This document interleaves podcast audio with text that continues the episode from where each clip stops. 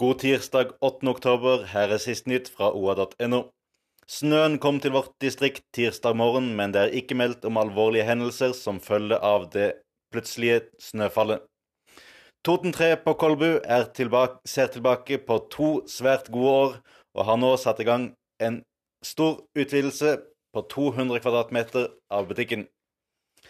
Les også historien bak politijakten som endte på Dokka mandag formiddag. Roger fra Hønefoss møtte plutselig sin egen bil i lyskrysset. Følg med på oa.no for de siste og viktigste nyhetene fra Vest-Oppland.